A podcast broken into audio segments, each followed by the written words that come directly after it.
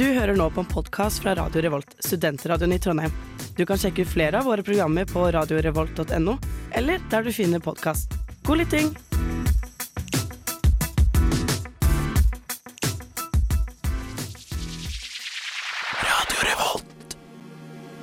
Og nå starter en ny episode av Nerdeprat, spillmagasinet på Radio Revolt.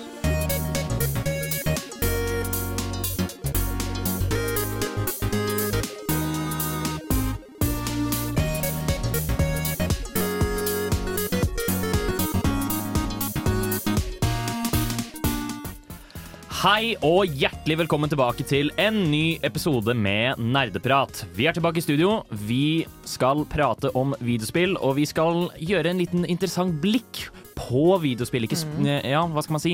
Vi skal snakke om kontroverser. Eh, både av spill generelt og spesifikke spillkontroverser rundt omkring. Cancelled or not. Ja, det får dere vite i dag. Dere får høre masse om spennende nyheter, ting rundt det. Mitt navn er Håkon, jeg er programleder. Med meg i studio så har vi Oksana. Lars Martin. Og Bård. Og Bård. Hele gjengen er samla nok en gang. Vi skal uh, komme i gang med å høre en liten låt. Vi skal høre Nelly Moore med In My Head. Haha, du aktiverte nettopp mitt trap card. Nå er du nødt til å høre på nerdeprat til episoden er ferdig.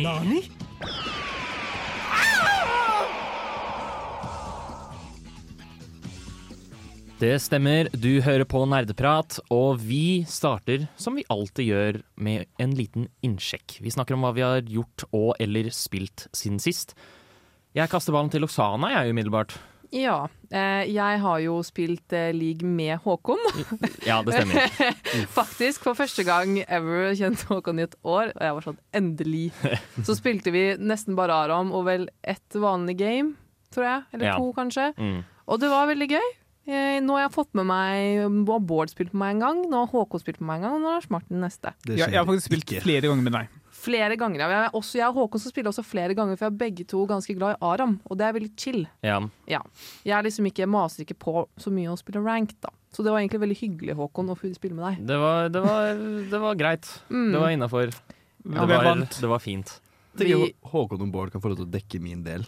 Nei, nei, du er nestemann. Ja, okay, du er ja. nestemann, beklager. Men faktisk mer enn det. Jeg har spilt, ikke no, jeg har spilt mer enn league. Jeg har spilt ganske mye, faktisk. Jeg har spilt Lego Star Wars, blant annet. Oi, ikke sant? Eh, ja, for det var på tilbud på Switch eller på Nintendo Store, så jeg spilte det sammen med min kjæreste. Og det var faktisk Jeg har jo spilt det en gang før, altså når det først kom ut hos noen andre, og de hadde kommet ganske langt i spillet, og da likte jeg det ikke. Men nå har jeg ombestemt meg. Nå liker jeg Lego Star Wars likevel, for det er faktisk veldig bra når man starter fra scratch alene. Ja. Eller med en partner, I guess, og ikke hopper inn midt i spillet. Og det er faktisk veldig morsomt. Det er veldig god dad-humor. Fantastisk spill. Og man, ja. man skulle trodd det om hvilket som helst spill, egentlig. At det Ja. er bedre når man ikke hopper midt i det. ja, I know. Jeg kan være litt kjapt å judge. Er uh, kjæresten din flinkere i Star Wars enn i Overcooked? Ikke nødvendigvis, sa Nei. Sorry. Jeg beklager Nei. til han. Han er liksom ikke noe spesielt god. Men, eh, men ikke sant? man må ikke være spesielt god i Lego Star Wars, egentlig. Altså, det er liksom ikke, altså, du, man dør jo hele tiden, det har ingenting å si. Det eneste er at vi, sånn, vi krangler litt om Fordi vi begge to vil være Chewbacca. Ikke det at Chewbacca gjør så mye kult, men bare at det er kult å være Chewbacca. Så, vi, krangler, vi krangler litt om hvem som skal være Chewbacca, så vi bytter litt på, da. Mm. Men man kan være så mange kule karakterer. Det er veldig bra. Um, og så er også faktisk eh, gjort noe som jeg vet Bård har liksom eh, flirt litt over meg over. Jeg har spilt Skyrim igjen. Ja! Jeg lasta det ned for et par uker siden, men så var det var en glitch i lyden. Eh, som gjorde sånn at det kom sånn der, Når du på en måte går inn i vann, så kommer det en lyd, og den lyden glitcha. Så den var der uansett om jeg var i vann eller ikke. Så det irriterte meg ganske mye, så jeg brukte kanskje sånn tre dager på å avinstallere, fjerne mods, søke om hvor man fikser den bugen, eh, skru ned. Så det jeg endte opp med å gjøre, jeg skrudde ned bare effekt ned til null, og da var lyden borte. Nå har jeg ikke effekt, men samme av det. Jeg trives fortsatt veldig. Eh, sånn, hvor prosentvis hvor mye av tiden med Skyrim brukte på å fikse Skyrim, hvor mye brukte du på å spille? Um, Urettferdig spørsmål. ja, si ti, ti timer på å fikse det, 15 timer på å spille det, kanskje? Ja, ikke sant. Det er ganske mye tid allerede. Eh, spørsmål har du funnet Altså Det er en snev referanse, da, men har du funnet Meridius Beacon ennå? Nei. A new hand touches the beacon. Det har jeg ikke. Jeg har tatt det veldig slow, faktisk. Jeg har tatt det kjempeslow. Jeg på en måte, det er bare visse quests jeg liker veldig godt. Eh, for main questen er liksom ikke så viktig for meg, men nå er jeg liksom jeg hater han Olfric, så nå er jeg, en, nå er, nå er jeg oppe si, på andre sida igjen. Mm. Jeg har aldri vært en Stormcloak. Men uh, det var det, faktisk. Ja. Jeg har også spilt masse kattespill, men det kan jeg snakke om neste uke når jeg faktisk har spilt det. Ja, det høres bra ut. Jeg kan gå videre til min innskikk. Um, fordi, ja, som nevnt, vi har spilt league. Mm. Det var greit. Um, Det var ikke sånn det hørtes ut når han spilte, forresten. Da ropte han av glede. Eh, ja, men det var fordi jeg spilte en av de få karakterene i spillet som gir meg glede, altså Tom Kench. Uh, fordi han bare løper rundt og kaster tunga si på folk. Det er veldig gøy. Uh, jeg har spilt mer Kingdom Hearts, em, som fortsatt er et litt for bra spill enn jeg liker å innrømme. Fordi det er jo utrolig tøysete. Og jeg kommer meg til Løvenes konge-verdenen nå. Og jeg husker da jeg vokste opp, så tenkte jeg at Løvenes konge-verden er den aller beste verdenen. Men det å vokse opp er å innse at Løvenes konge-verdenen er den absolutt kjedeligste av dem alle. Har du, er du på første gangen du er der, eller andre gangen du er der? Første gang. Ja, ok, ja. Jeg husker den der grindinga på toppen av Pride Rock der. Så kommer det en milliard av de små lynene. Ja. Ja, og det, der var jeg litt for mange timer, ass. Ja. Husker jeg. Det var ikke bra i det hele tatt. Uff. Nei, men, eh, men nå, men nå syns jeg liksom Eller i hvert fall fram til jeg kom til Løvenes kongeverden, så syns jeg liksom Det er da spillet begynner å bli litt bra, når man kommer rundt level 20 og sånt. Fordi da får Sora evner som lar han gjøre litt kule ting. Eh, sånn at Og da, blir, da får combaten litt mer omf, og da blir spillet kjempegøy. Og jeg merket at i starten så var jeg sånn ja, Kanskje jeg skal se på noen av cutscenesa, men nå skipper jeg alt. Fordi jeg orker ikke. Jeg, jeg hater virkelig alle karakterene involvert. Det er, men jeg har, det, jeg har det fortsatt veldig gøy. Det skal Ja. sies. Det er veldig morsomt. Um, jeg kan også nevne superkjapt eh, at jeg har spilt bitte litt av et spill som heter Vengeful Guardian Moonrider. Okay. Som er eh, et, ja, et nisje indiespill som kom ut som på en måte skal være både Megaman og Ninja Guiden. Eller liksom gi en liten retrofølelse. da At Du løper gjennom et nivå, og så får du diverse evner, sånn at du kan skyte beams. Men du, er, du løper også med katana og slår folk. Eh, ganske gøy plattformer hittil. Jeg har ikke så mye å si om det, men eh, for de som liker retro-type spill à la de, de hadde likt Vengeful Guardian Moonrider veldig godt. På PC, eller? Eh, jeg spiller på Switch, På Switch, men det er på PC også. Okay. Um, så jeg, jeg kommer nok til å si litt mer om det når jeg har spilt mer, men det, det, det er bra. Det er bra, det kan jeg si. Vi er ikke ferdig med innsjekksrunden helt enda. Vi har to andre gutter i hjørnet som ikke har fått delt hva de har gjort og spilt siden sist. Vi skal høre fra dem etter vi har hørt Ode til Sønn Ra av Gunerius og Verdensvev. Ohayo, minisan, konnichiwa. Du hører på Nerdeprat, nja-nja. På Radio Revolt, desune. Uvu. Det stemmer, du hører på Nerdeprat. Vi har vår eh, faste innsjekksrunde. Vi har en del folk i studio som må fortelle om hva de har spilt siden sist. Vi går videre til Lars Martin. Ja. Ehm, jeg har uh, ikke spilt supermye sist. Jeg har servert litt mer te i Fire Emblem. Det gjorde jeg senest i dag. Jeg skulle egentlig på skolen og være flink, og så endte jeg på å ligge på sofaen og spille Fire Emblem. Men hvorfor serverte du ikke te på skolen? Eh, det kan jeg også begynne å gjøre, men da blir det til IRL-personer, da, og det er jo ikke så gøy. Nei, nei, jeg mente ta med din Nintendo Switch på skolen. Å, sånn ja! Da, Ah. da ødelegger jeg noe workflow, føler jeg veldig. Men det jeg har Ja. gjort Ja, sorry. Vet du hva? Ja, nei, det bare det bryter litt illusjonen med at skolen er jobbeplassen. ikke sant? Virkelig. virkelig, Det går ikke, ass. Da er jeg fucked. Men eh, jeg har eh, vært eh, Dungeon Master i eh, Dungeons and Dragons eh, på fredag nå. Oi, oi, oi. Til min søte lille gruppe. Stor shout-out til dem hvis noen av de hører på. Det er helt fantastisk gøy. Det er noe av det beste jeg har gjort. Sånn. Det er jo fortsatt i nerdeterritoriet, føler jeg, å spille Dungeons and Dragons. Ja, ja. Selv om det begynner å bli litt sånn uh, jock-stemning rundt det òg, etter eh, Stranger Things, så har det vært litt mer på up and up. Ja, det kan jeg se for meg. Mm. Det hadde jeg faktisk ikke tenkt på. At, men det har jo det har sikkert en Ja, innretning, det òg. du har en del sånne store muskelbunter som er sånn I'm a buff dude, and I also play D&D. og så er man sånn Ja, nå er min nerdeinteresse validert. Tusen hjertelig. Eh, ellers så har jeg sett på eh, min kjære romkamerat spille God of War. Jeg har faktisk ikke spilt det selv, men jeg har ligget med kopp te i sofaen og, og sett på han. Og eh, Gud velsigne den mannen. Han spiller ikke veldig mye til vanlig. Så er mye av det vi kanskje tar litt for gitt, som kommer ikke sånn supernaturlig til han. Og da ender det opp med å være sånn kan du bare fortelle meg hva jeg skal gjøre? Og så er jeg sånn Nei, du må finne ut av det selv. Jeg gidder ikke å jukse. Så det har vært veldig hyggelig, da. Det var en sånn bonding moment. Få testa den PS5-en litt. Ja. Mm. Nei, men ellers så Ja, jeg gleder meg til å komme litt i gang med det selv. Ja. Mm, hva syns du om PS5-en? Du har jo nettopp PS5 fått er helt nydelig, men jeg er i sånn rart del av voksenlivet mitt hvor jeg føler at liksom, eh, jeg har kjøpt denne nye gadgeten som jeg hadde begynt å grine av på julaften da jeg var 13, og nå er jeg sånn Ja, der er den! Ja, jeg får prøve den litt etter hvert, da, kanskje. Sånn, det er bare en ny ting, på en måte. Det er ikke sånn super glamorous. Men jeg gleder meg til å ha en eller annen helg nå hvor jeg bare skal sette meg ned med pleddet over hodet og game sånn i 18 timer. Det blir kjempebra. Mm. For altså, jeg, jeg var litt overrasket over at du ikke hadde spilt God of War ennå. Ja. Um, for uh, ja, du har jo gitt det inntrykk at du er veldig, veldig glad i det forrige God of War-spillet. Og det er nok et av favorittspillene mine noensinne. Mm. Eh, eh, jeg hørte på den pappaepisoden til Nerdeprat her om dagen, og jeg syns den var veldig fin. Jeg er veldig enig i mye som ble sagt, men jeg syns jo den, uh, som psykologstudent som jeg er òg, så blir det den der relasjonsbygginga over tid, hvor man tar seg god tid til å utforske Atreas og Kratos. Det er bare mwah, helt nydelig. Mm. Ja. Du gleder deg til Ragnarok, med andre ord. Jeg gjør det. Ja. Det blir kjempebra. Ja, det blir bra. Bård? Jeg har siden sist falt ned i et uh, hull som heter Diablo 3. Å nei! Sånn type ti år etter det kom ut. Det er eller veldig, sånt. ja, fordi du har ikke spilt Diablo 3 før? Jo, jeg har spilt det Ja, ok. i perioder. Uh, og nå kom det liksom ut siste sesong før Diablo 4. De hadde lagt inn noen nye systemer, så det var liksom OK. Og to andre venner av meg bare Vi, vi vet ikke helt hva vi skal spille nå for tiden, så bare OK, la oss, vi har alle Diablo 3, la oss bare spille Diablo 3. Ja. Mm. Uh, spilte du på launch?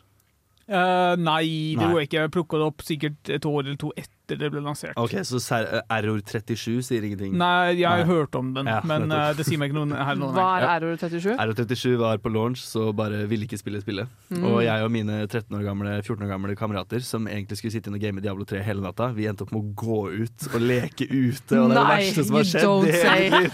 Oh my god! Vi var og spilte fotball i stedet. Det var grusomt. Men uh, det skal sies at det har noen serverproblemer nå også. Jeg tror det er kanskje er fordi noen endringer du har gjort, som bare gjør at serverne kneler til tider. Mm. Um, ja, for uh, av det inntrykket jeg har fått av Diablo 3, er jo at uh, spillet er greit og langt ifra like bra som Diablo 2. Mm. Det, det er he veldig forskjellige spill, avhengig av hva det er på jakt etter. Fordi altså, Jeg vurderte å plukke Diablo 2 nå, og gjorde litt undersøkelser. og bare Diablo 2 er mye mer langsommere spill, hvor du det tar lengre tid å komme deg til liksom, slutten og målet og liksom bygge opp karakteren din, mens Ja. i Diablo 3 så kan du liksom ha en ganske sterk karakter på type en halv dag. Ja, ikke sant? Så det For de som ikke har lyst på en svær timesink i eh, Men, men altså, reisen er nok sikkert mer eh, altså, tilfredsstillende i Diablo 2. Ja, det og det å liksom å gradvis bygge seg opp Mm. og føle at du faktisk nå gjør noe som du Eller det, det er uansett at du blir veldig sterk på slutten, men Ja. eh, det er litt sånn Uh, også Estetikken er veldig annerledes. Uh, Diablo 2 er veldig mørk og veldig gotisk, mens Diablo 3 er lysere. Ja, Hva syns du om det hittil, siden Altså, du har falt i hull igjen? Det, er- det, det er gøy. Altså, det d- Action-RPG er en veldig tilfredsstillende sjanger. Bare se masse lute droppe, og så er det kanskje to ting av dem som er nyttig, som du sparer på, og så venter du bare på at du kan bygge opp et helt sett. Men når du får den ene tingen Ja. som er sykt nice Holy shit, ass! Fy faen. men bare det å gå bort en klynge med fiender og så dreper deg på liksom én ferdighet, og så bare Mm. går du videre, og så dreper du alt det på én Det er utrolig jeg skulle gruse alle helt til du kommer til neste dungeon, og så er den uklassert umiddelbart. Hvilken class uh, har du plukka opp, Bård? Necromancer, som Ja. er den nyeste, den ble, som ble shoppet som en egen utvidelse noen år senere. Stemmer, Ja. stemmer. stemmer. Ikke sant? Det, du får kose deg med det, holdt jeg på å si. Takk, så, Vi- så lenge det varer, fordi Diablo 4 kommer jo nå i år. Det Ja.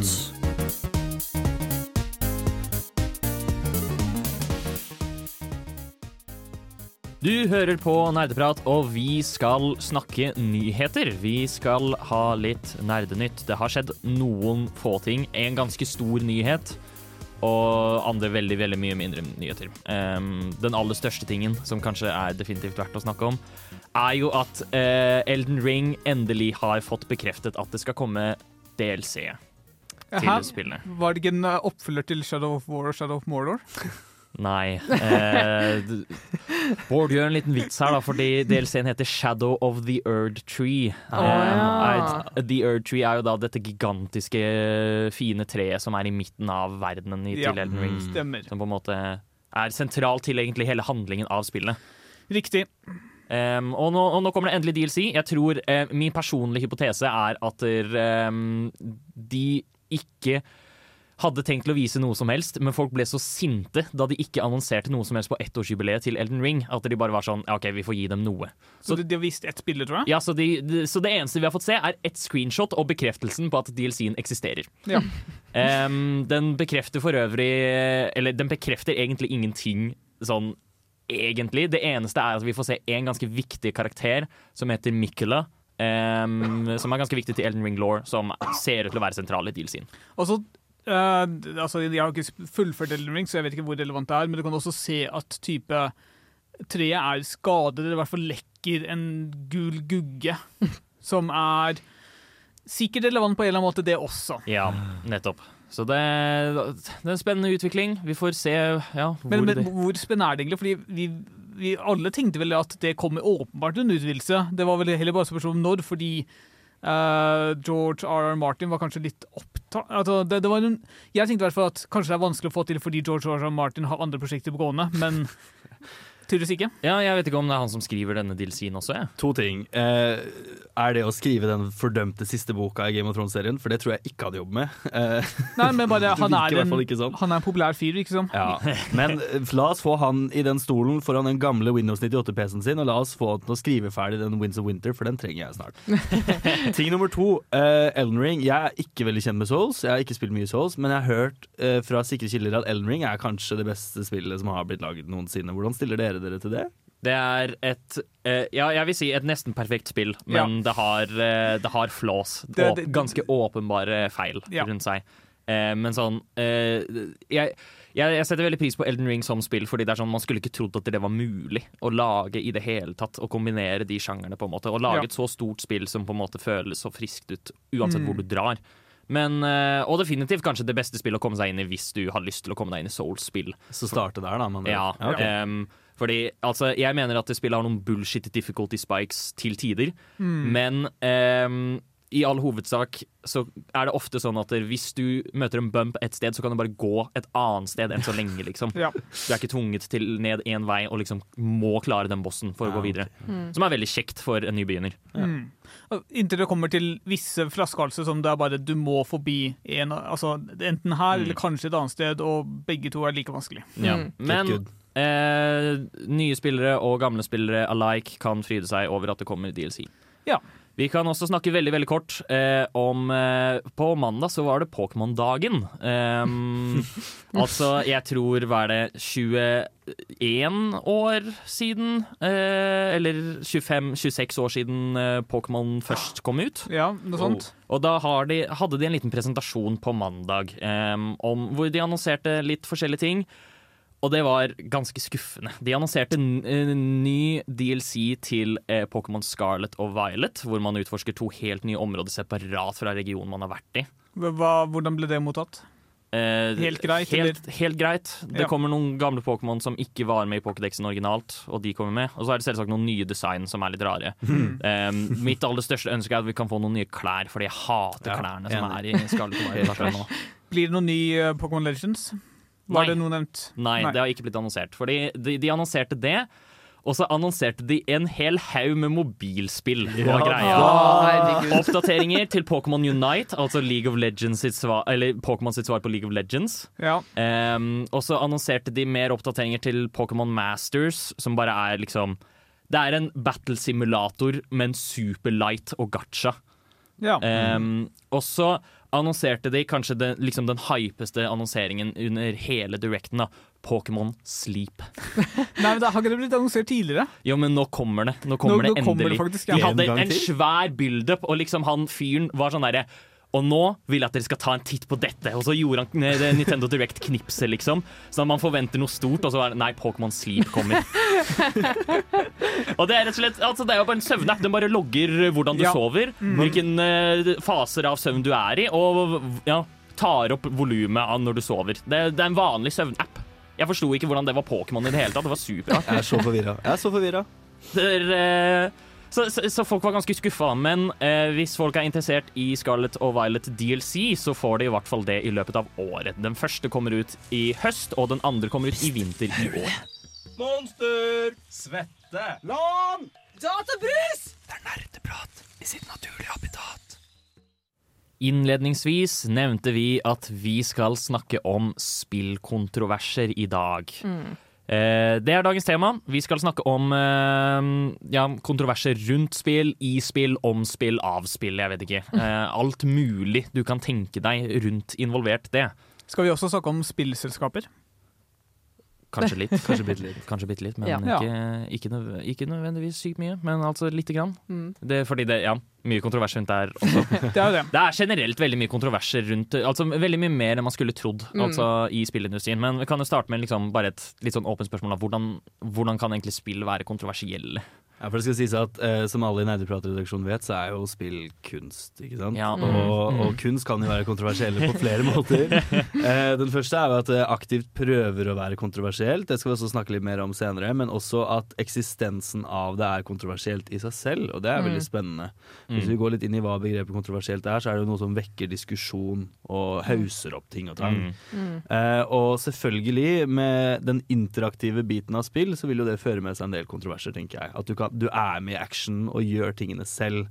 Det er jo litt kjernen i problematikken rundt kanskje det her med vold og spill og sånn. Ja, Det er jo kanskje veldig mye av drivkraften for liksom, hvorfor det oppstår kontroverser rundt, og hvorfor det oppstår problematikk, og kanskje hvorfor folk ser ned på videospill også. Nettopp fordi man tar seg selv litt sånn i handlingsstolen, om man kan si det.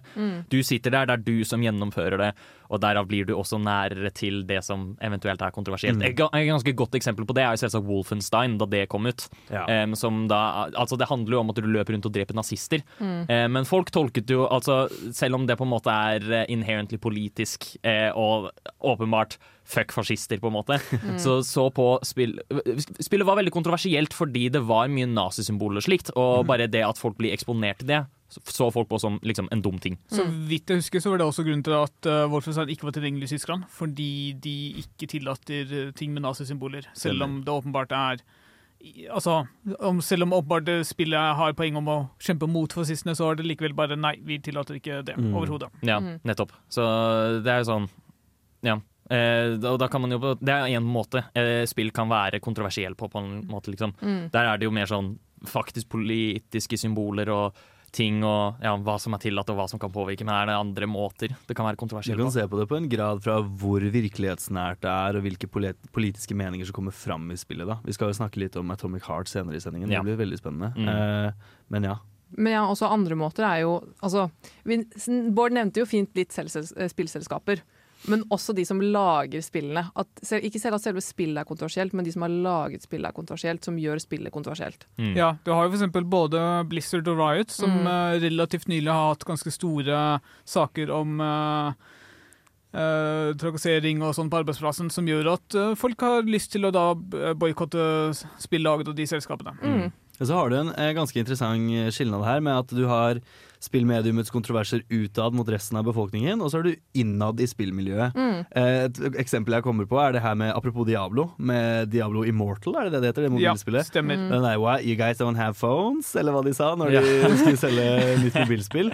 Eh, eller for eksempel eh, anmeldelser av spill. da IGN, for eksempel. Pokémon, Alpha Sapphire. For mye vann i Hoen 7 av 10. ikke sant? Masse sånne kontroverser. som Mm. Mm. I tillegg så har du jo selskapet som var ganske forbrukerfiendtlig. Både Sega og Nintendo har vært ute på YouTube og altså fjernet videoer, eller i hvert fall gjort at de ikke kan få penger, de som har laget videoene. Eh, og det har jo også ført til at uh, bl.a. John Total Biscuit Bane har boikotta Sega til den dagen han døde, fordi de hadde vært jævlig mot han og eh, Mm. nektet han uh, penger for uh, anmeldelsen han hadde gjort av spillene deres. Ikke Rest in peace, rest in peace. Ja, Ja. det- tullete. Um, det, så det på en måte, ja, Spillselskaper er jo på en måte fine mot forbrukerne, men også da innad i sine, hos sine egne arbeidere. Mm. Nevnte, eh, nevnte vi heller ikke, men det er jo også for eksempel veldig mange spill som uh, under utviklingsprosessen lider av det vi kaller crunch. Um, som bare er rett og slett at uh, spillutviklerne blir tvunget til å jobbe veldig veldig overtid for å Mm. sørge for at spillet blir så bra som det kan bli. Mm.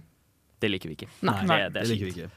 Um, avslutningsvis, før vi, går, før vi starter, så har jeg bare lyst til å da spørre liksom Vil vi si at kontroverser i gamingverdenen er annerledes enn, eh, eller bør vurderes annerledes enn vi gjør med altså, virkelig kontroversielle i anførselstegn? Ja, jeg tror det er litt forskjellige, litt annerledes temaer. Altså, jeg tror kontroversene i sånn faktuelt vil være mye av det samme, men at det er litt annerledes tema fordi det er et interaktivt medium. Så du har mulighet til å leve deg inn i det, og derfor har andre temaer. Mm. Eh, og så føler jeg også at innad i spillmiljøet så er man generelt også mye mindre kritisk på en måte til at et spill er kontroversielt, fordi hvis spillet er bra, så spiller man det på en måte likevel. Ja. Sånn som mange spill liksom Mange spiller jo EA-spill eller Riot-spill selv om man vet at de som har laget spillet, har vært kjipe, liksom. Pokémon Sword and Shield òg eh, fikk- ble møtt med utrolig mye kritikk og kontrovers da det ble annonsert. Det bestselgende Switch-spillet da det kom ut. Ja, ikke sant. Så klart. Ja, det er noe med det. Ja. Men også det her med ehm, at eh, gaming kontra f.eks. film og bøker, da, som kan være helt kontroversielle på sin måte Gaming har liksom ikke nådd den høykulturstatusen helt i samfunnet vårt. Så dermed så blir det også litt andre Eller man, jeg tror når det går innenfra spillmiljøet ut, så vil andre kanskje ikke ta det like seriøst som de ville en Roman Polanski-film, da, Mm. eller en, eh, en, ja, en kontroversiell bok. Ja. Ja, jeg tror Når folk ikke har et ansikt å hate, så er det veldig vanskelig å stille seg mer problematisk i en problemstilling. da. Ja. Mm. Det kan også hende at det- mye av kontrovers rundt gaming blir svekket når vi ser hva gamerne faktisk blir sure over. Eh, Det er et veldig godt poeng. poeng. ja. eh, vi, eh, for å forklare kort, denne sendingen her skal gå litt kronologisk eh, til verks gjennom eh, Ja, hva skal man si? Den siste tiden da videospill har vært en ting. Eh, og se mer nøye på liksom, i hver epoke hvorfor kontrovers og slik har oppstått. Vi starter naturligvis ja, med det aller første epoken. Eh, etter vi har hørt Maldito med Voices. Å faen, du hører så jævlig på nerdeprat. Altså, det games, og det prates, og det nerdes, og det er litt. Det er litt eh, når vi snakker faktisk brennheit når vi snakker om kontroverser, fordi dette er eh, Det er varmt i studio. Ja, varmt i studio. Varmt i Vi starter med altså Ja, hva skal man si? The dawn of time. Eh, ti, siden videospillets eksistens, skal Ja. man si. Eh, rundt eh, Tiden er rundt 80-tallet, da. Mm. Um, og det, det er her Altså, man skulle ikke trodd det. Men allerede her, når, man, når videospill starter som et harmløst medium, og bare liksom sånn type nerdeting og alt det der Mm. Allerede kontrovers. Allerede folk som ikke klarer å sette seg bak dette. For hvordan kan Commodore 64 være kontroversielt? Ja, Det er et godt spørsmål. Hvilken effekt har det? Men det jeg har litt lyst til å snakke om i dag, da, som eh, tidligere anerkjent Dungeon Master, er jo The Satanic Panic fra 1980-tallet. Hva Hva var- er det? Jo, nå skal du høre, kjære Oksana. Det var en ganske chubby, hyggelig fyr som het Gary Gygax, som bestemte seg for at vet du hva? Vi nerder vi må ha et eh, utløp, vi må kunne være noen andre. Vi elsker Ringenes herre, vi elsker høy fantasy. Skal vi ikke lage et spill rundt dette? Og det er jo da Dungeons and Dragons kommer inn i bildet. Eh, og dette spillet ble jo Tabletop RPG, som det heter, ble jo lansert i vår kjære Forente Stater. Som har en eh, god historie med å ta nye ting vel, kan man si. Eh, og det som da starter som en veldig uskyldig, uskyldig litt sånn escapism-spill for mange ungdom, ender opp med å bli en eh, ild i tørt gress-situasjon, hvor samtlige mødre og fedre i USA spør kan ikke noen tenke på barna. Dette er satanisk, det de holder på med nede i kjelleren. Det er talglys, og det er eh, ritualer, og det er demoner. Går imot gode kristne verdier, som var veldig viktig for USA på den tiden. Eller tilsynelatende. var Så det. du sier med satanic panic er basically et begrep for å omfatte all eh, frykten rundt tabletop RPG-spill. Nettopp, nettopp. Ja. nettopp. Og det, dette her ble jo faktisk ganske alvorlig. Altså, det ble jo fulgt opp i media, veldig mange kirker som tok stor avstand. Kirkene har mye pull, push and pull i USA. Ja. Eh, var det på en måte det de Den der hele greia om i Stranger Things, at det også var litt sånn sett ned på Helt riktig. Det er, det er, det er basert på det? Det er basert på virkelighet? Ja, for, for dere som har sett sesong fire av Stranger Things, da, så er det noe som heter Hellfire Club der. Og det er jo et direkte nikk til Satanic Panic. Oh, ja! Absolutt. Det er veldig gøy. Men var- det derfor liksom øh, de de, de har nå utvidet med flere universer er for å ha det mindre kontroversielt, eller? Det er et kjempegodt spørsmål. Eh, ja, mye mulig, men de har samtidig også gått dypere inn i den satanismen. Ja, så så sånn sett så har de stått stand their ground ganske bra, altså. Men, men hvor lenge varte den der Satanic Panic, egentlig? Satanic Panic som et alvorlig konsept tror jeg faktisk strekk, strakk seg over hele 80-tallet, men så kom man ut i 90, og så begynner disse ungdommene, da, som var ungdommer da de spilte, de begynner å vokse opp litt. Ja, Og få barn selv. Og få barn selv, og så begynner det å være litt sånn Men hvem bryr seg egentlig? og da gikk det fint. Ja.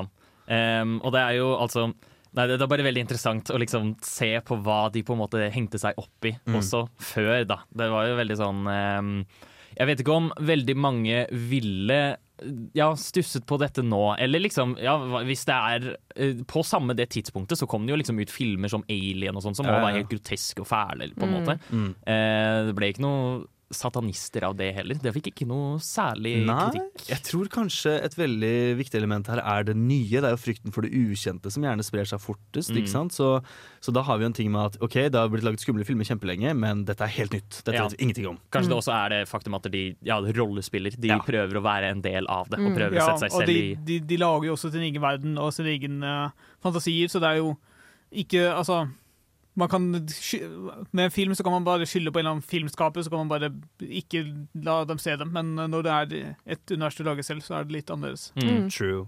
True. Men det er også, vi burde kanskje også slenge ut at det var jo også kontroversielle videospill på 80-tallet. Eh, Tetris. Var det overraskende- kontroversielt? Ja. Ja, men og, og rett og slett det som virkelig herjet av kontrovers rundt videospill, og hvorfor du ikke skulle spille videospill på 80-tallet, var jo at det var avhengighetsskapende. Mm. Og at du ble firkanta i øya av å Finkanta øya. ja, Oh. av at ja, du ble helt avhengig av å spille videospill, og ja, at det, det fikk en psykologisk innvirkning på din psyke om du spilte for mye videospill.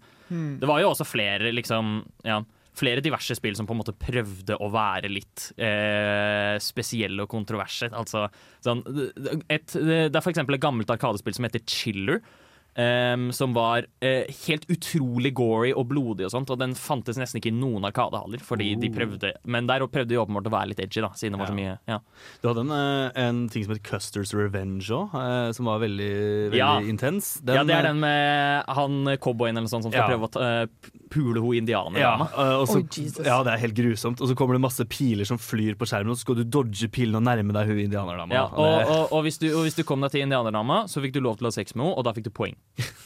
Å, Og det var også ekstra kontroversielt, da, fordi folk var usikre på liksom, har denne damen gitt samtykke til eh, sex eller ikke. Men mitt spørsmål da, var det kontroversielt da, eller har det blitt kontroversielt nå? Nei, det var da òg. Ok, ja, ja. Så folk hadde litt Mm. brains da også? Litt, faktisk. Ja. Det, det- altså, så, så liksom, det var veldig mye eh, kontrovers bare generelt til spill. Fordi ja, man ble redde for at man skulle bli avhengig. Tetris hadde jo Tetris-effekten. at Man så Tetris overalt, liksom. Mm. Og lignende.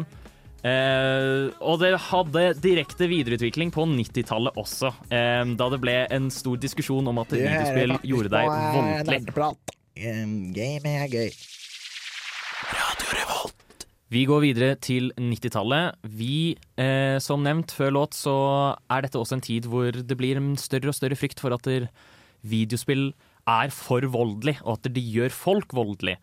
Er dette tilfellet? Jeg har laget en liten faktaboks eh, hvor jeg tar et lite overflateblikk eh, på hvorvidt videospill faktisk gjør deg voldelig eller ikke. Vi skal høre den nå.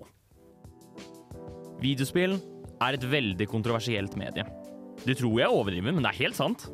Det er et medie som har møtt mye motstand opp gjennom årene, og det har tatt lang tid før spill har fått aksepten den har i dag. Siden tidenes morgen, siden videospillets oppstart, ja, siden videospill har eksistert, har det vært, og fortsatt er, frykt rundt videospill. Veldig mange foreldre og politikere har gjennom tiden insistert på at videospill gjør deg firkanta i øya, eller at det er bortkasta tid og at du aldri får deg jobb. Men ingenting har vært et så fremragende argument mot videospill enn at det gjør deg voldelig og mer aggressiv. Det har skjedd flere ganger at folk beskylder de voldelige videospillene for voldshendelser og massakre framfor personene involvert. Dette er heller ikke et argument som har dødd ut, da jeg leste nettopp dette argumentet om at Doom gjør deg mer voldelig i en fagfellevurdert bok som de har i pensum på psykologistudiet. Men er det slik at pistolen og blodet du ser på skjermen oversettes til vold i virkeligheten? Helt siden 1970-tallet har videospill fått anklager av at det påvirker brukerne sine psykologisk, og at det potensielt kan gjøre en sunn ung mann avhengig og voldelig. Det var derimot ikke før på 90-tallet at dette tok av, etter at Mortal Kombat ble utgitt i 1993, som var utrolig populært blant kidsa på Arkaden. Til referanse er spillet et slåssespill med mye blod og grusomme finishers, der karakterer river ut ryggrader og brenner folk levende. I samme år kom også skytespillet Doom, der du spiller en soldat i helvete som skyter og dreper demoner for å overleve. Spillene har mye blod og gørr og ble antatt til å ha et sterkt hold på unge som spilte dem. Disse spillene er i dag grunnen til at vi har aldersgrense på videospill. Flere vil argumentere for at siden videospillene er voldelige, vil unge barn bli voldelige dersom de spiller dem, og begrunner dette gjennom et begrep vi kaller priming. Det vil si at stimulusen de får inn, vil påvirke hvordan de responderer på annen stimulus. Med andre ord, hvis du ser en person dø i Mortal Kombat, vil du assosiert dette nærere med virkeligheten også. Og kanskje til og med bli desensitivisert til det hele. Kanskje du etter hvert også assosierer det som noe normalt å løpe rundt og skyte folk med hagle, som du gjør med demoner i Doom, og vips, så ble barnet ditt voldelig. De argumenterer altså for at spill lærer barn å bli voldelige. Det finnes derimot ikke noe ordentlig bevis for at dette er sant. Det har blitt gjort tester for å se om barn kan primes gjennom videospill. F.eks. ett spill der du spiller en mus som skal unngå en katt, og se da om barn kjappere assosierer ting med dyr. Studiet viste derimot det motsatte, at barn brukte lengre tid på å assosiere ting som melk og matskål med katt og eller mus, eventuelt en hund som et dyr. Et annet argument er at siden videospill har blitt såpass realistiske, vil det også nærere kunne assosieres med virkeligheten, og derav øke nivået av aggresjon. Her har det også blitt gjennomført studier, bl.a. et som lot deltakerne spille to forskjellige slåssespill, der ett av spillene hadde ragdoll physics, altså bevegelse basert på det menneskelige skjelettet, ment til å se mer realistisk ut, mens det andre hadde mer urealistiske animasjoner. Selve vurderingen var gjennom en ordassosiasjon, der deltakerne skulle assosiere forskjellige ord med hva de tenker og føler selv. Her også viste det ingen større nivå av aggresjon hos de som spilte det mer realistiske spillet. De aller fleste studier klarer ikke å finne en assosiasjon mellom videospill og aggresjon, og de få som gjør det, bygger seg opp på utydelige data som hjernebølger og hjerterytme, altså faktorer som ikke nødvendigvis kan assosieres med faktiske kriminelle handlinger. Den generelle tendensen kan se ut til å være å beskylde videospillene som årsak til at folk gjør grusomme handlinger, når dette egentlig bare er en korrelasjon. Ikke bare underbygger dette de faktisk gode tingene man får ut av å spille videospill, men ignorerer fullstendig menneskene involvert, miljøene de vokste opp i, og deres generelle atferd. Kanskje er det slik at aggressive mennesker spiller med videospill, og det er fullt mulig det er tilfellet, men videospill har ofte blitt syndebukken som årsak til at barn blir voldelige, når det ikke finnes langt nær nok data på dette.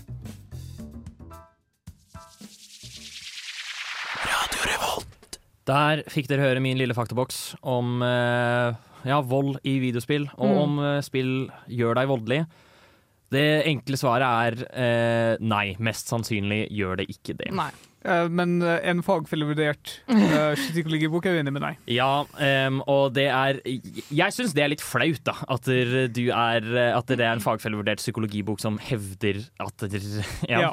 Jeg har nevnt, eller jeg har lest nevnte fagfellevurderte bok i Sosialpsykologi 2, og den er litt tullete. Å nei. Å nei. Eh, jeg har faktisk opp å si Jeg har én tanke om det her. Er at jeg, jeg tror ikke det er videospill som gjør deg voldelig, men det er den jævla voicechatten som kan gjøre deg voldelig. De burde heller ta forskning på voicechat i CS. Det tror jeg kan faktisk være noe. Det, jeg, jeg ser for meg i hvert fall at voicechat og liksom chat kan genuint bringer fram mer aggresjon eh, 100%. i folk. Ja, ja, ja. Jeg tror det er ingen tvil om at det sosiale miljøet man lager sammen når man gamer, kan oppfordre til aggresjon, men spill i seg selv, nei. Nei. Nei, Um, og det er nettopp det da som på en måte var Det var en veldig stor ting på 90-tallet. um, nettopp da Mortal Kombat og Doom og slikt kom ut, og liksom at de beskyldte med eh, høyere aggresjon hos kidsa sine og slikt, eh, som et resultat av at de spilte disse spillene. Da Mortal Kombat eksempel kom ut i arkadene, så var det jo blodig, og de hadde fatalities og alt det der. Men da det kom ut på hjemmekonsoll, så fjerna de alt dette, eh, med mindre du inputta en kode i spillet, som da var litt skjult, da. Eh, den, den var skjult sånn at foreldrene ikke skulle oppdage det, Nice. men, eh, men var fortsatt liksom Spillet ble sendt ut med tanke om at det, her skal det være liksom PG-versjonen av Mortal Kombat. Mm. det var fordi ja, det var såpass liksom, stigma rundt det å ha hyper... Eller på den tid hyperrealistiske spill som også var voldelig. Og viste liksom folk som fikk hodene sine revet av og alt det der. Um, og jeg syns det da også er veldig interessant å trekke det opp med i dag, når liksom alle de mest populære spillene akkurat nå er jo skytespill. Um, og jeg vet ikke, Vil du f.eks. si at kidsa blir mer aggressive og voldelige av at de spiller Fortnite? Tja, nja, nei. Men det, altså jeg håper, jeg, vil ikke, jeg håper ikke dere hater meg for det, men jeg vil jo si at det finnes noen spill der ute. Så hadde jeg hatt en tolv år gammel sønn eller datter, ikke latt dem spille som tolvåring. Oh, ja, nei, nei, nei. Altså, det, det, er definitivt spill som man liksom ikke skal spille som yngre. Mm. Det er ikke det jeg mener her. Det er bare mer det at det, um, det, det er ikke nødvendigvis videospillene som gjør deg voldelig, og det er definitivt spill som er altfor modne for Mm. en ja, personen å spille. Men sånn som Fortnite, da, det er jo på en måte en veldig sånn komisk mm. fremstilling av å skyte noen, på en måte. Det er ikke blodig, det er bare, du bare faller ting ut av deg som ikke er organer, ikke sant. Ja, og så bare forsvinner det som et hologram etterpå. Ja, ikke sant? Ja, det var litt det jeg skulle si òg. Jeg tror også at vi har et helt annet problem med ungdom og gaming nå om dagen, og det handler om dopamin. Og det handler Ja. om hva slags spillformer vi driver med. Ja. Ja.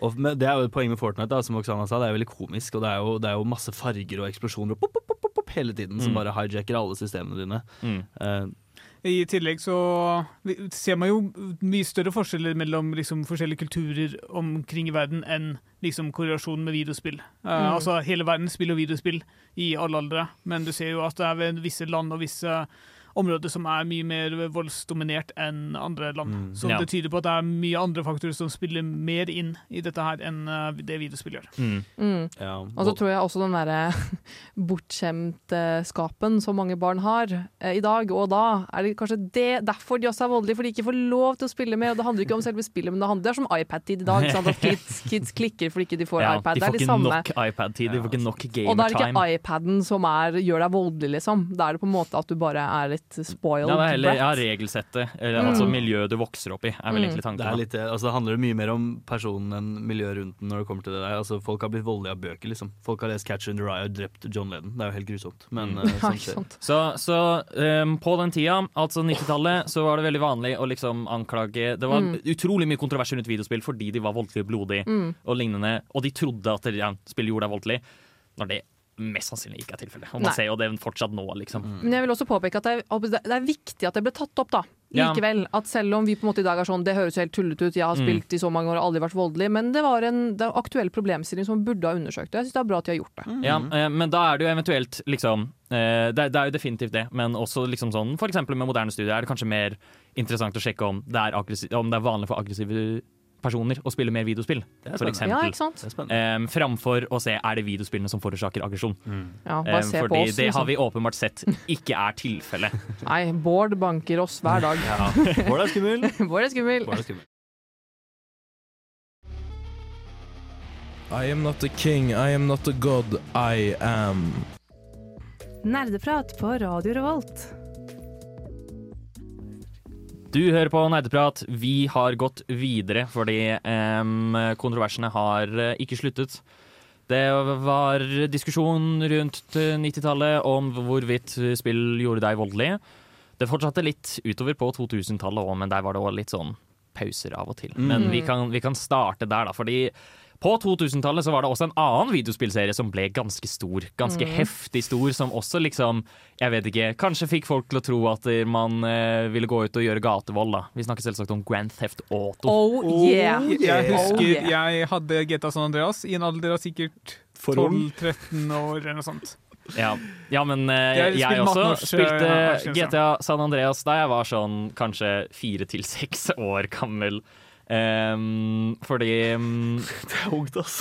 Ja, det er ungt, ass, men jeg husker jo at der, vi i all hovedsak bare brukte de der juksekodene for å få jetpack og fly rundt. Ja, ikke sant. Det var jo måten vi spilte spillet på. Du tenkte ikke på det som liksom en voldssimulator nødvendigvis. Det var bare, Nei. du hadde en åpen verden hvor du kunne gjøre hva faen du ville. Og også, altså jeg vet ikke, det, det var kult å bare kjøre rundt og Mm. gjøre ting. Mm. Altså, apropos det her med vold og avhengighet og, og foreldre og sånn. da eh, Mine foreldre var veldig på at jeg ikke skulle spille spill som var over aldersgrensa mi. Mm. Eller på høyere aldersgrenser. Og da snek jeg meg over til naboen. Mamma lukk øra. Jeg snek meg over til naboen, og han hadde GTA San Andreas. Ja, fordi det altså, Det, same. det var det også, ja. Ja, det alle- gjorde vi også. Alle hadde en kid i klassen som hadde et eller annet. Ja, Han som hadde liksom hippieforeldre som lot han spille liksom Modern Warfare håper før uh, han var Mm. Gammel nok, og alle gutta satt i kjelleren. Ja. Mm. Men da var det jo, og da var det liksom særlig Grand Theft Auto ble jo, fikk jo mye kritikk Mm, og ja. kontrovers fordi det, det er et- sandbox-spill, sandkassespill, hvor du egentlig bare kan Altså du har oppdrag og sånt, og du gjør mafiahandlinger, men også når du er i free roam, så kan du gjøre hva du vil. Du kan kjøre over sivile uten, med relativt få konsekvenser. Eh, altså du, du får jo purken etter deg, men det er sånn Blir du tatt, så kan du starte på nytt Ja, igjen med en gang. eller Ja, tre, trekant runding er igjen til Ja, side. ikke sant? så stjerne mot det. Ja, ja. Akkurat som i virkeligheten. Akkurat som i virkeligheten. Nettopp. Nei, altså, det det var jo veldig det, på den tiden veldig realistisk spill og veldig stort spill. og veldig, det solgte jo, Jeg er sikker på at det solgte mange eksemplarer. Ja. Så Spesielt Andreas som var utrolig populært, så det definerte en sin generasjon. Ja, kanskje nettopp det du sier der også. Fordi det var sånn, jeg husker Da Metal Gear Solid kom ut, så var jo folk sånn Herregud, jeg kan ikke tro at spillet har blitt så realistiske. Og så kommer Grand Theft Auto ut, og så er det sånn, sånn Herregud, jeg kan ikke tro at spillet har blitt så realistiske.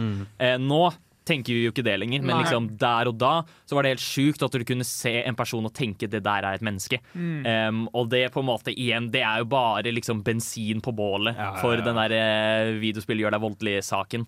Og priming, som vi snakket om. Men altså, GTA er jo nesten bare Fast and Furious i spillform, så jeg skjønner ikke helt hvorfor det skulle være så kontroversielt som egentlig, men tydeligvis så var det jo det. Fordi du gjør det selv. ikke sant? Altså, du, når du skal spille Grand Theft Auto, så skal du følge trafikkreglene, og du skal være snill og god. ikke sant? Det er sånn man spiller. Hvis ikke så er du slem og voldelig. Men jeg tror liksom aldri det har skjedd i verdenshistorien. Jeg har også elsket GTA back in the day. Og det er sånn, Jeg fulgte ikke trafikkregler. Jeg, jeg dro på strippeklubb, jeg slo til random damer på gata og syntes det var veldig gøy, men jeg har aldri gjort det i virkeligheten. Gjorde dere det? Ja. Jeg fulgte trafikkreglene. Jeg var, jeg var helt forskjellige er, sånn, barndommer. altså, mange vil jo kanskje argumentere for at der, um, uh, man, man, kan, man kan leve ut eh, voldsfantasiene sine. Det er litt dumt eh, å si det på den måten, på en måte. men det er mer det at det, det er så Altså, det er teknisk sett ikke realistisk, og det er Ja. Nei. Så det er, man, det, det er så fjernt. Altså Hvis man har lyst til å tes teste en grense, som teste om man kan liksom komme seg unna politiet, så er det greit. Det er bedre å gjøre det i GTA enn å gjøre det i virkeligheten. Ja, vi liksom. oppfordrer ikke til vold. Nei, nei. herregud. Men her kommer vi tilbake til igjen atter en gang at det har mye mer med individet som spiller å gjøre enn spillet Mm. som medium. Fordi det var mange kids som begynte med det voldsopplegget. voldsopplegget. Mm. og liksom gikk rundt i gatene og plaffa ned, og så var de sånn Nei, dette var jo litt kjedelig. Jeg ville jo Mm. mye heller kjøre bil eller gjøre story. Ikke Kan, sant? ja, kanskje noen syns det er mye gøyere å gjøre oppdragene. Ja. Liksom. Mm. Så, sånn som vi, vi syns det var gøy å fly jetpack. Ja. Ja, ikke sant? Det er jo morsomt. Eller Liksom. sykle i San Andreas. Eller Med flyvende AK-47. tanks. Ja, ja. Ja, sant. um, vi skal gå videre. Vi skal høre en til låt før vi går videre til 2010. Her er det en liten Oh, en, en svær bunke av ting vi skal snakke om. Er En stor, stor tid etter vi har hørt Silhouettes av Orions belte. Mitt navn er Bare Egil. Du hører på radio Revolt på internettmaskinen din. Du hører på Radio Revolt og du hører på Nerdeprat, og vi snakker om kontroverser i videospill. Det har jo gått eh, Vi har gått gjennom en hel haug med tidsepoker nå. Det har vært litt sånn opp og ned om hvor mye skitt det har vært rundt videospill, men det har alltid vært noe. Alltid vært noe de siste, hvert eneste tiår de siste Ja, siden 80-tallet har vært noe å hate på. Eh, jeg har lyst til å trekke fram noe som ble, var veldig veldig stort da det kom ut. Uh, Call of Duty eh, Modern et eller annet et eller annet. Modern Warfare 2. Ja, spesielt det, to. det har de ditt level hvor du er på flyplass, eh, du er spiller som terrorist og dreper sivile. Ja, Gøy. Det, er- Nei, vi, vi er egentlig på 2010-årene nå, altså det siste tiåret, egentlig, som det har skjedd mye kontroverser rundt. Altså, Modern Warfare 2 var jo da 2009, men eh, Vi sniker det inn, vi Vi, sniker vi, vi sniker inn her. Um, og det er altså ja, det var jo et spesielt ganske øh, beryktet oppdrag på en flyplass. Jeg føler beskrivelsen der gjør det ikke justice på en måte, fordi ja, du, du, du dreper sivile, du plaffer de ned. Med, Ja. Det er skikkelig Ja. bare sånn bølger av folk som skal skytes ned. Og spesielt i lys av hvordan resten av 2010-tallet så terrormessig i Europa, så har jo det levelet blitt sånn ekstra sånn oi, Ja. yikes. Mm. Og så er det jo verdt å nevne at uh, det skapte masse reaksjoner, men jeg tror salgstallene merka ingenting til det overhodet. Men um, det skapte jo mange reaksjoner, men det er også viktig å på en måte anerkjenne funksjonaliteten til en slik scene og mm, oppdrag i et videospill. Det er jo meningen at du skal liksom fryde deg over at du plaffer ned alle disse sivile. Du er jo undercover på et oppdrag. Ja, altså Spec of the Lines har jo lignende scenarioer hvor du må drepe sivile fordi du eller du blir tvunget spillet tvinger deg til å drepe folk du ikke nødvendigvis har lyst til å drepe. Mm. Og Det er jo for en narrativ opplevelse, bare det kommer kanskje fram litt tonedøft av Call of Duty. Ja, det er veldig sant. Der igjen spørs det veldig hvem som spiller dette spillet. Da Da vi snakka om det her i skolegården på ungdomsskolen, så var det sånn Du kan bare drepe masse folk. Mens en mer moden voksen person opplever jo det her som grusomt. Ja. Hvorfor tvang dette spillet meg til å gjøre dette? Nå sitter jeg med en veldig vond følelse inni meg. Så igjen, respektere aldersgrensene. Ja. Og så er det viktig å punktere, jeg tror det var samme spill hvor du kunne trykke F for å vise respekt Ja. i en begravelse, Ja. som viser bare ytterpunktet. bare de, de tar ikke ting så veldig seriøst. Det, er- det, altså, F har jo blitt universell lingo for Mm. bare liksom Herregud. Å si, å vise respekt. Ja. Det er, det er helt latterlig, faktisk, hva, hva det har gjort. Det er en fin måte å teste noen om de gamer på eller ikke. Hvis du vil si rip, så sier du F i stedet. Og så ser du hvordan andre personer reagerer. Og hvis det er sånn, å, ja, ja, ja. Så, Em, for å ta det en litt annen vri, jeg har også veldig lyst til å snakke om Dead Space 2, um, som uh, kom ut i 2011. Og som da tok en veldig annen vri på dette, fordi de ønsket å oppfattes som kontroversielle. Til de av dere som ikke kjenner til Dead Space-serien, det første kom ut i 2008, og er på en måte, det er et skrekkspill som eh, gjør en slags blanding av Alien og The Thing. Hvor mennesker blir forvandlet til disse grusomme skapningene og slik. Og da er det også altså, Til og med babyer blir forvandlet til uh, disse eklingene, liksom. Um, og markedsføringen for det spillet var jo 'moren din hater dette spillet her'. Moren din hater det, liksom. Og det var bare traileren og sånt var bare klipp av liksom mødre som uh, dekket foran øynene og hylte og liksom var redde. Og var sånn der, 'Hvordan i helvete kan dere lage noe slikt?' Og liksom sånn, Som om det var en tøff ting. Og det vil jo ikke jeg si egentlig. Altså, jeg skjønner hva de prøvde på, men det er også sånn mye av den beryktede tingen rundt gaming. At det er sånn skal ikke, det, det er veldig edgy, og man skal ikke på en måte belønne det å være, nei. være på kanten på den måten, hadde jeg tenkt, da. Det er innovativ markedsføring, kan vi vel si. Mm, men, men det er også sånn, og jeg føler problemet der er at det, det river vekk alt det som gjør Dead Space 2 spesielt. Ja. Dead, Space- Dead Space 2 er jo ikke kult fordi det er så jævlig kontroversielt og på kanten og ekkelt og nasty og bla, bla, bla. Mm. Det er jo kult fordi det er bra skrekk og bra action og bra combat. Det Mm. er det som er kult med spillet, ikke fordi det er kontroversielt og ekkelt.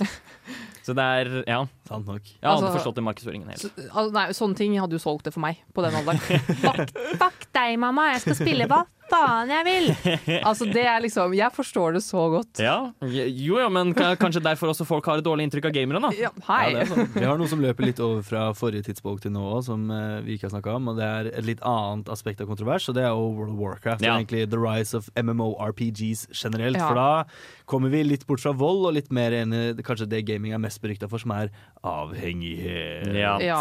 De tolv år gamle barn drar inn i Azeroth og dreper drager, og nå er det ditt problem som mor som gjerne skulle sett ham på skolen. ja. Eller ut, hjemmefra når han er over 30. Nettopp. Ja. Dette var jo også en diskusjon Dette var jo også en diskusjon som på en måte Jeg, jeg vil si at der, eh, avhengighetsdebatten har vært ganske sentral for videospill, egentlig gjennom hele Veldig. tiden videospill har eksistert, men kanskje særlig mest under Wall of Warcraft-debatten. Og det er på en måte en kontrovers som egentlig kanskje kan holde litt grunn, da, fordi videospillavhengighet er en ekte ting. Ja. Um, og det er ikke altså det er ikke nødvendigvis Wall of Warcraft eh, sin feil. Det er et spill som er designet for å være altså nokså avhengighetsskapende. Men det er ikke eh, i og, Man kan ikke skylde det på videospillet Nei. eh, for, å, for at spillerne blir avhengige, på en måte. Mm. Eh, det tenker jeg, i hvert Ja, fall. jeg er personlig mening. Fy er faen for en ja. flow, ass. Den biten her slapper, altså. Jeg skal ikke lyve. Shit, ass, dette må jo være nerdeprat.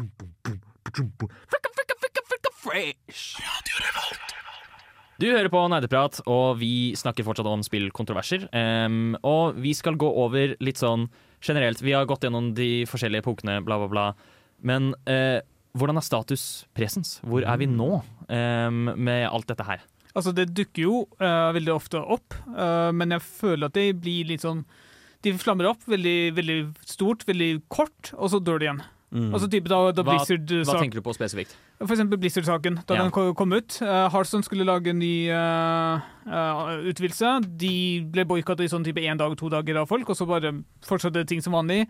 Folk demonstrerte inn i World of Warcraft i sånn type tre dager, og så var de ferdig med det. Og så eh, har de egentlig ikke merket noe på salgstallet eller noe som helst. Det er bare det, det varte i kanskje en uke, og så har folk egentlig glemt det litt i etterkant. De, Mm. de sa at ja, la meg boy begynne å boikotte Blizzard, men det virker ikke som folk faktisk har begynt å boikotte Blizzard. Og samme med Riot. Akkurat Jeg, jeg føler folkets ønske om å spille disse spillene er større enn eh, Mm. folkets Ja, vilje til nettopp. å kunne boikotte ting.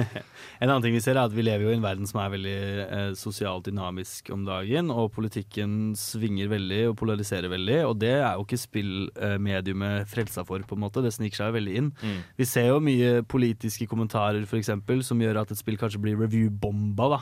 Eller på en måte Mm. helt bare cancela den Mm. andre veien.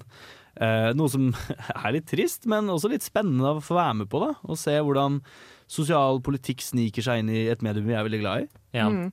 Ja, for I dag har vi liksom mye mer tilgang på å vite hva som er kontroversielt eller- ikke, og hvorfor det er det. på en måte. Mm. At i dag så har på en måte alle personer i Norge har tilgang til internett, og det kan søkes opp. På. Mm. på 90-tallet så hadde jo ikke alle internett. Og det var ikke like lett da. på en måte å kunne lese i avisa, lese visse meninger om spill. Men nå kunne det være sånn Oi, shit, denne utvikleren her, han har gjort A, B, C, D, og det har, vi, det har blitt liksom dokumentert i en rettssak som alle i verden kunne se, på en måte. Mm.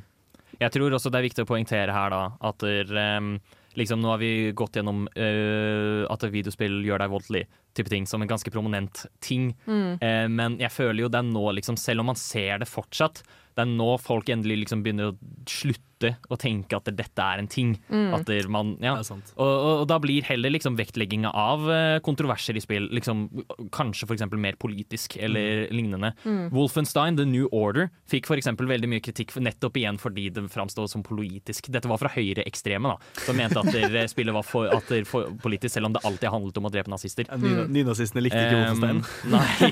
Og big whoop!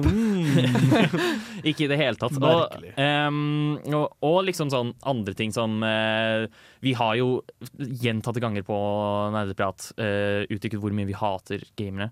Ehm, gamere er ikke undertrykket, men de fortjener å være det, som, som jeg pleier å si. Um, og et annet eksempel er jo for eksempel at eh, de hater eh, Overwatch fordi de har LGBTQ-karakterer, og de hater The Last of Us 2 fordi de har LGBTQ-karakterer, og fordi Mm. de gjorde en annen ting som eh, jeg ikke skal spolere her nå. Men øh, også Final Fantasy 7 Remix, som fordi Tifa er annerledes kledd enn i originalen eller noe sånt. Ja. Det er jo Ja. Sorry. Fortsett. Nei, nei. Det, det, er, det, er ganske, altså det, det er ganske tullete hva folk henger seg opp i. Det er vel egentlig poenget. Det er til å bli ganske oppgitt av. Eh, Snakk om å lene seg inn i en stereotype eller i en boks man har blitt satt i som gamer, Mm. da. Og så fortsetter man å opprettholde dette stigmaet selv, liksom. Det er Mm. så idiotisk. Ja. Ja. At folk liksom fokuserer på å nei, her har vi liksom en LGBTQ pluss-karakter. Og ja, men Riot behandler sine ansatte som shit. Jeg kjøper skins. Ja. Det er, um, dette er jo liksom da spe, det, det er kanskje de, de man hører mest av om dagen. Fordi det, liksom, det oppstår veldig mye kontrovers rundt spill hele tiden, og det er Mm. fordi det er sånne små bagateller som den der. Men det er selvsagt også ofte politiske saker og liksom viktige ting som skjer. Mm. Vi skal, etter vi har hørt en låt, snakke om det beryktede anerkjente Hogwarts Legacy. Um, og det skal vi gjøre etter vi har hørt Ingvild Homme med 'Regnet'. Aktung! Aktung! Nerdeprat er på igjen, og dette krever din fulle oppmerksomhet. For vi snakker om de mest sofistikerte emnene i historien, nemlig videospill og andre nerdeting. Jeg sa aktung! Vi skal nå snakke om elefanten i rommet for eh, videospill om dagen, kan man Mm. vel si. Mm. Det ganske beryktede eh, Hogwarts Legacy, som kom ut for eh, et par uker siden. Ja. Noe sånt. Noe sånt. Eh, noe rundt der. Um, Mm. Vi kan jo kjøre en kjapp disclaimer. Eh, ingen av oss har spilt videospillet. Mm. Så vi kommer ikke til å snakke noe særlig om ja, liksom, spillets innhold, eller noe Nei. av det. Spillet som spill kommer vi ikke til å snakke om. Nei. Nei. Eh, vi skal i all hovedsak snak ja, snakke om kontroversene rundt eh, dette spillet. Mm. Yes. Du, ja. Jeg eh, har eh, gjort ting jeg ikke skal gjøre i forelesning, og gjort litt research på dette temaet. Lest noen eh, meninger her og der. Eh, og det som er Altså Kontroversen, kort forklart, for de som ikke vet det, er at eh, Harry Potter, ho eller Hogwarts Legacy, faller under, under det som kalles The Wizarding World. Som er liksom IP-eierskapet rundt alt Harry Potter, da. Som er eid av ingen annen enn trommevirvel JK Rowling. Hore. Ja, Oi. Heyo, vi er i gang allerede! Eh, kort fortalt ligger kjernen i saken i at hvis du kjøper Hogwarts Legacy, så støtter du JK Rowling rent økonomisk. Ja. Mm. Eh, Så vidt jeg vet, så er det ikke nødvendigvis sant, fordi de har allerede kjøpt lisensen og betalt henne den engangssummen for den lisensen. ja.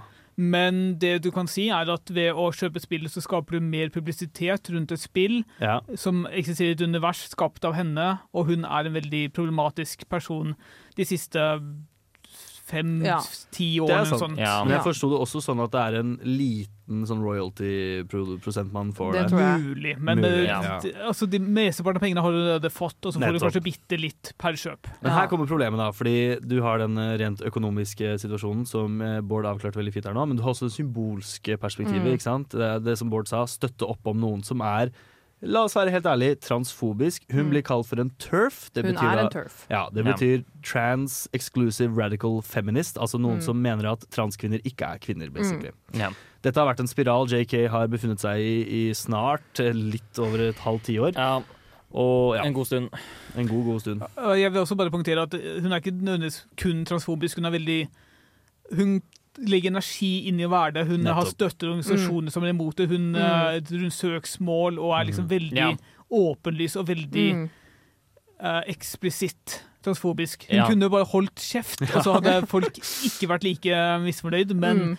Hun gjør Det det, at hun så aktivt støtter Mm. disse Ja, Og hva skal man det, si? det er litt den der 'vi som er vennene dine, skal jeg fortelle deg hvem du er' òg. Fordi folka hun omgir seg med og støtter opp på Twitter og sånn, er, de er ganske hardcore. Altså. Mm. JK kan ha vært litt sånn vag her og der, men nå i det siste har det tatt av helt. Ja. Mm. Og det er ikke bra. Eh, og jeg uh, hater henne for det. Jeg støtter det ikke i det hele tatt. Jeg vil bare si det med en gang. Jeg tror Ja. alle i rommet er helt enige. At det hun står for, er vi ikke enig i. Nei, nei, nei. Og hun kan brenne i helvete for det. Mm. Men så igjen, da, så kommer det store problemet. Nå kommer det ut Hogwarts Leg- Legacy. Alle har vokst opp med Harry Potter før, hun, altså før man visste at hun hadde disse meningene, og har da en tilknytning. Hva gjør man? Ja, det er det. Kjøper man det, eller gjør man ikke det? Et annet spørsmål. Hvis du kjøper Hogwarts Legacy, Oksana, er du da transfob? Jeg er jo ikke det. Eh, Jeg har personlig valgt å ta det valget at jeg ikke kommer til å kjøpe spillet noensinne. Nei, nettopp. Eh, kanskje om ti år når det koster ti kroner. eh, men ikke i nærmeste fremtid, nei. Men jeg mener at de som spiller det, ikke nødvendigvis fortjener å bli stemplet som en transfob, men det er viktig at de har JK Rowling i bakhodet, som at eh, Twitteren hennes er litt sånn i bakhodet så du tenker i hvert fall noe over det, da, tenker jeg. Mm. Uh, Jeg har- kjenner transpersoner som uh, har spilt spillet. Mm. Og det er jo ikke noe problematisk fordi det er jo, som du sier, folk som vokste opp med dette her, og det gjør Mm. ikke deg til noen en dårlig menneske fordi du spiller spill og har lyst til å spille, lagd Mm. av et selskap som ikke støtter henne overhodet, men som Mm. dessverre måtte gi henne penger fordi spillet er lagt Mm. til universet hun har skapet. Mm. For jeg vil også punktere at for de som på en måte er altså vanlige folk, dvs. Si folk som ikke er med i nerdeprat og ikke er spillanmeldere, altså alle utafor dette rommet her, at på en måte jeg, Gjør hva, på en måte hva du vil. Altså Jeg skal ikke legge meg opp i det, men jeg som er spilljournalist, jeg som spillanmelder, tar et politisk valg faktisk her Mm. for første gang ever i min spill-nerdepratkarriere på at jeg velger ikke å støtte fordi folk hører på meg.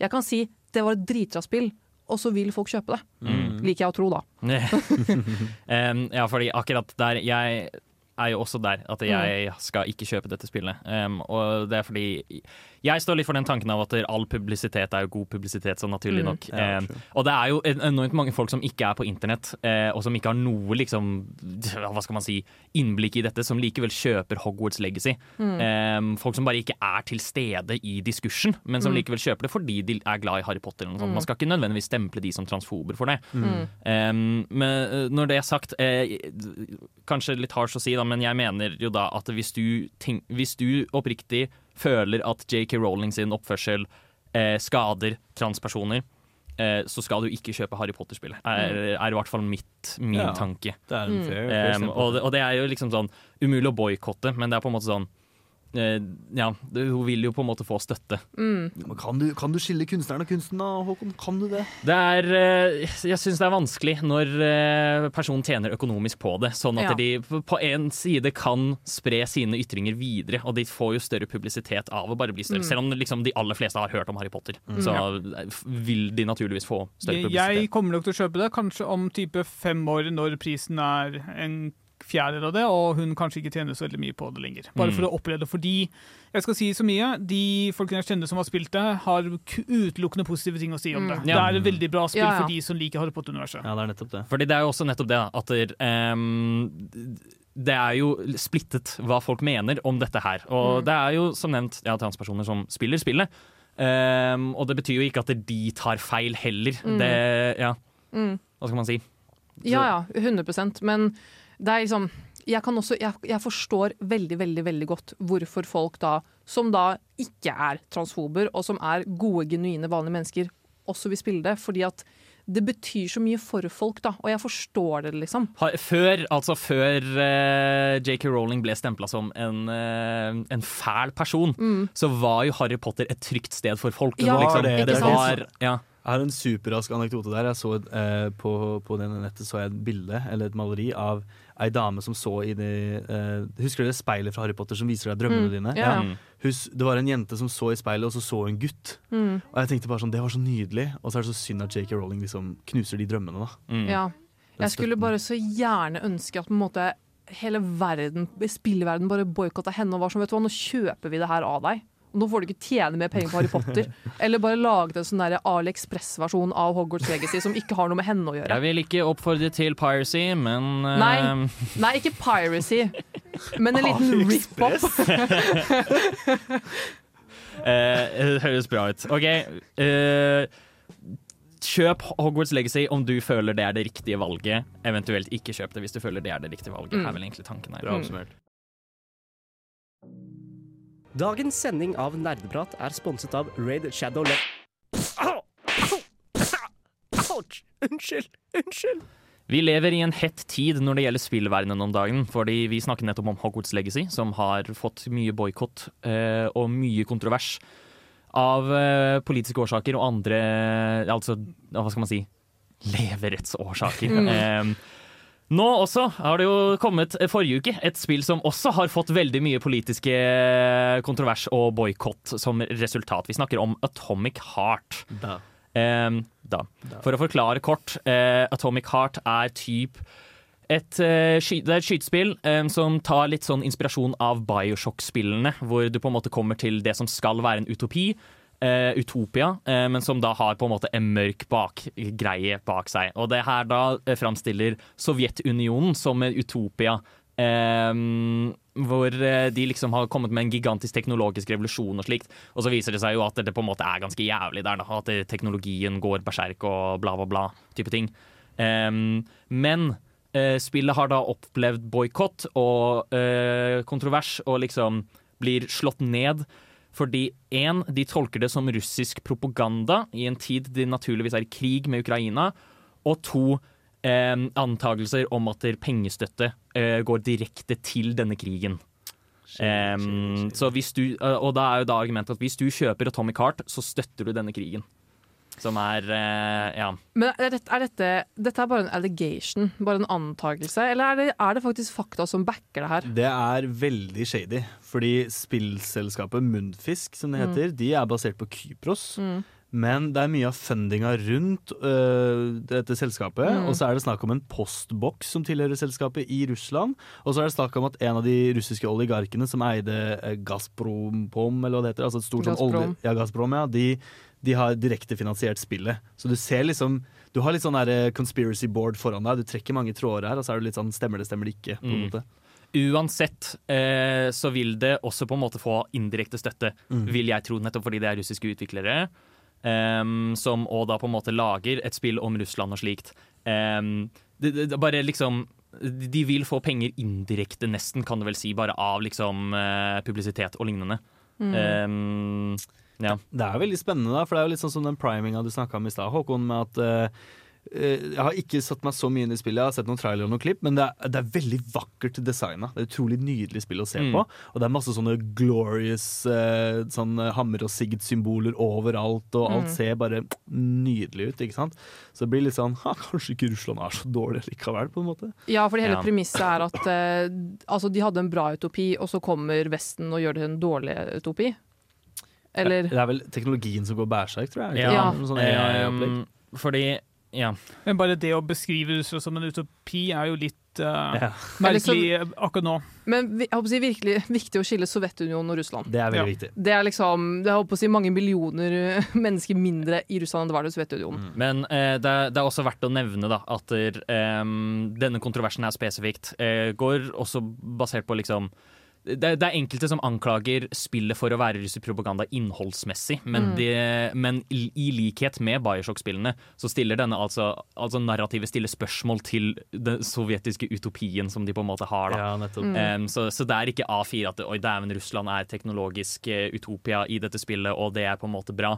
Mm. Det er heller sånn det er, eh, det er tilsynelatende et utopia, men det er noe jævlig rart som skjer bak der, på en måte. Kan bare komme en veldig kjapp eh, kommentar? Bare, um, ja, kontrovers og alt det her, og russisk, og, men jeg syns det spillet ser litt kjedelig ut. Er det lov å si? Jeg har hørt det er ganske kjedelig, Ja, og at det er ganske dårlig, og at det er utrolig cringe. Eh, hovedkarakteren snakker tydeligvis som en liksom som den mest stereotypiske Marvel-dialogen oh, du kan tenke deg, på en måte. Sånn Forspoken òg var innom der. Er ja, sånn der, um, jeg, jeg så et klipp av uh, ja, hovedkarakteren som liksom måker ned en metallfyr, eller noe sånt, og så er han sånn Take that, tinhead! Ah. Eh, etter han har drept den. Come on, guys. Og det er bare Det er tullete. Så det er sånn, jeg har hørt veldig veldig blandede ting om selve spillet. Så der er jeg òg litt sånn her går det kanskje fint uavhengig. Jeg en dette. U altså, jeg mener jo man skal uansett gjøre det som er basert på det du selv føler. Eh, akkurat det der. Og liksom, selv om det ikke nødvendigvis må være direkte russisk propaganda, hvis det funder krigen i Mm. Russland, så er det grunn nok til å liksom, Mm. holde seg unna dette spillet. Jeg er helt enig, men jeg syns det er så vanskelig også med sånne type spill. Sånn som med Hogwarts Legacy. Der er beviset er på Twitter. Med det her så er beviset litt sånn Mm. Man vet ikke helt. Det er liksom en antakelse. Det er sannsynligvis sant, men er ikke helt sikker, liksom. Og da på en måte Når man da ikke er sikker, hva gjør man da? Det er ikke hardt eh, bevis på det, men det er på en måte også sånn sånn, nat naturligvis, det vil få indirekte pengestøtte, fordi eh, de, ja, de er satt i Russland, på en måte. Mm. Det er shady. Um, ja. Så eh, mitt personlige tips vil være altså Hold deg unna Tommy Cart, både fordi det er et dårlig spill, men også fordi det kanskje muligens funderer krigen i Russland. Kjøp noe bedre, kjøp noe safe. Ja. Spill God of War, Ragnarok. Ja, ekstra, ekstra! Kom og hør de nyeste anbefalingene til nerdeprat! Ekstra, ekstra! Det er på tide med Nerdprat anbefaler. Dette er spalten hvor vi anbefaler vanligvis spill og spille. Denne gangen her gjør vi en liten vri på det. Vi har snakket så fint om boikotting og kontroverser og sånt. Vi skal anbefale spill som du burde holde deg langt unna. Du burde boikotte disse spillene, er vel egentlig poenget. Mm. En liten interessant vri. Eh, Mm. Er det noen som har lyst til å starte med sin anbefaling? Jeg starter gjerne. Jeg har tatt et nøye analytisk blikk på hele samtalen vår i dag, og jeg har kommet fram til at eh, Håkon, jeg skal ikke boikotte et spill, men jeg skal oppfordre til å boikotte et konsept, og det er konseptet mødre. Mødre er et stort problem i gaminghistorien. Det er mødre som skapte Satanic Panic, det er mødre som fikk oss til å slutte å spille GTA. Få bort disse mammaene, få inn noe gaming, få bort disse aldersgrensene og mammaene. Please, please, please. Ja, la unga spille, for faen. Jeg håper moren din ikke hører på. Sorry, mamma. Det er eh, Kom deg unna så langt som mulig, og så fort som mulig med det der. Ja. Mm. Eh, eventuelt så bare ikke fortell dem noe som helst av hva du holder Ja. på med. Ja. Helt hemmelig. Helt Mm. Er det noen som vil ta ballen Følg opp dem. Ja, altså nå føler jeg at vi, det blir, det blir mye tøys. Da, for altså, litt sånn tøyseting. Nei, bortsett fra de spillene vi allerede har snakket om. Jeg anbefaler jo selvfølgelig å, å boikotte Hogwarts Legacy, men det jeg også anbefaler folk å boikotte, på liv og død, er faen meg CS. Jeg kommer alltid til å mene det, fordi jeg mener oppriktig at spiller du CS, så blir det ikke noe menneske av deg. Da blir du voldelig, og da blir du gæren. Dette kommer fra League-spilleren. Um, vi kan snakke om det etterpå. Men også fordi CS er også veldig toxic community. Veldig mye sinte folk. Ja. Du kan bli, som, som kvinne er du ikke velkommen i CS. Nei. Sånn faktisk på, ser- seriøst, eh, på en seriøs note, liksom.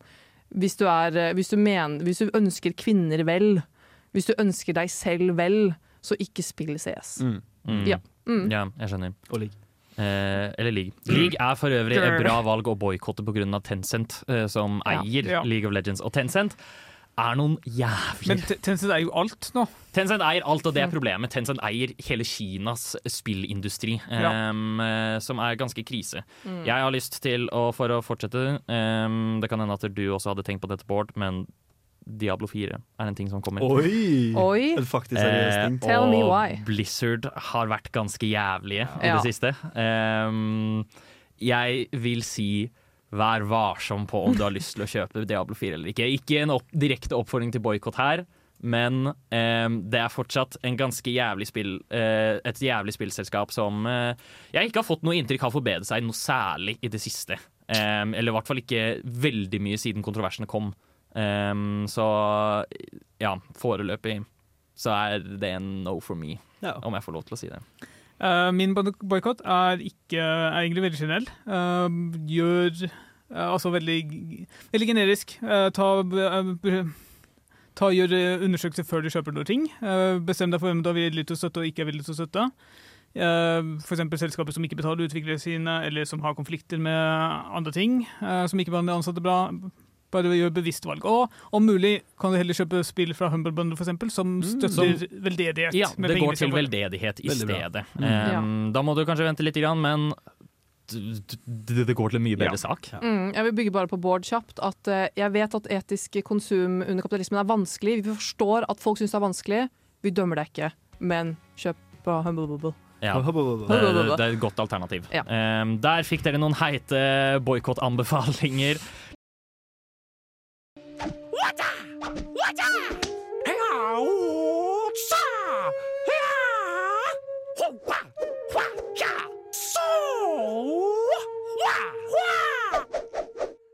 Nerdeprat. Du hører på Nerdeprat, men dessverre ikke så veldig mye lenger. Nei. Vi er ferdig for i dag. Vi har snakket om spillkontroverser. eh, De store nye spillene som har vært veldig kontrovers, og bare et generelt historisk blikk. Håper dere kjære lyttere har fått et lite innblikk i hvor ja, hvor stort videospill eh, Hvor mye kontrovers videospill har skapt, og hvordan veldig mye av det er ufortjent.